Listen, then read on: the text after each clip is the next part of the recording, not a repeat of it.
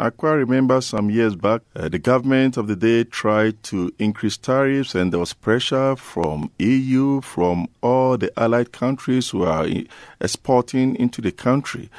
And because normally EU and the other countries support the budgets of Africa, they always have a say. They, in fact, uh, it's a kind of bully onto the African leaders.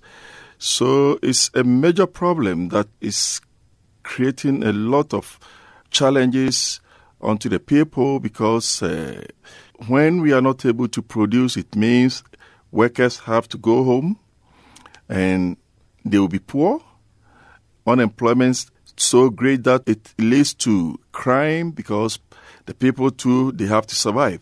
Hy sê die pluimveebedryf in Ghana is op sy knieë. We were concentrating on what we produce, which was enough for the country.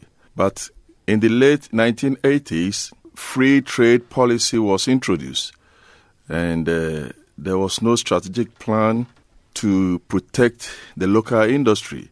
Therefore, imports started coming into the country, and it went on and on and on.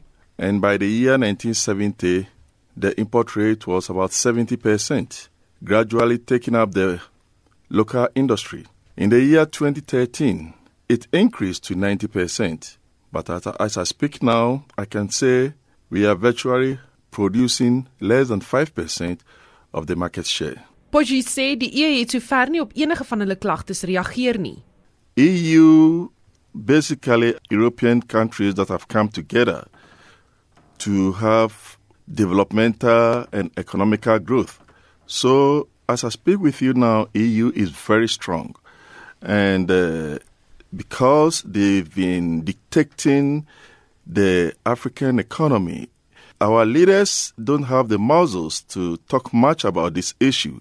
So my suggestion was that we, the African producers of poultry, should come together as a union so that we use that one as a mouthpiece to interact with EU the negative effect that these imports are having on Africa. Poggi sê die EU se optrede is minagtend teenoor Afrika en sy inwoners. They think that oh, Africans, you can't do anything there, you can't send anything there, and there is no proper regulatory bodies. They just do what they want.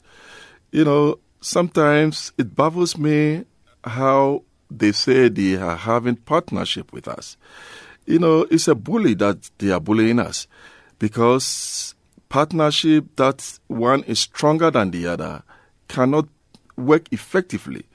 So the way they see us is quite different. That as for Africa, you can send anything, whether good or bad, to them.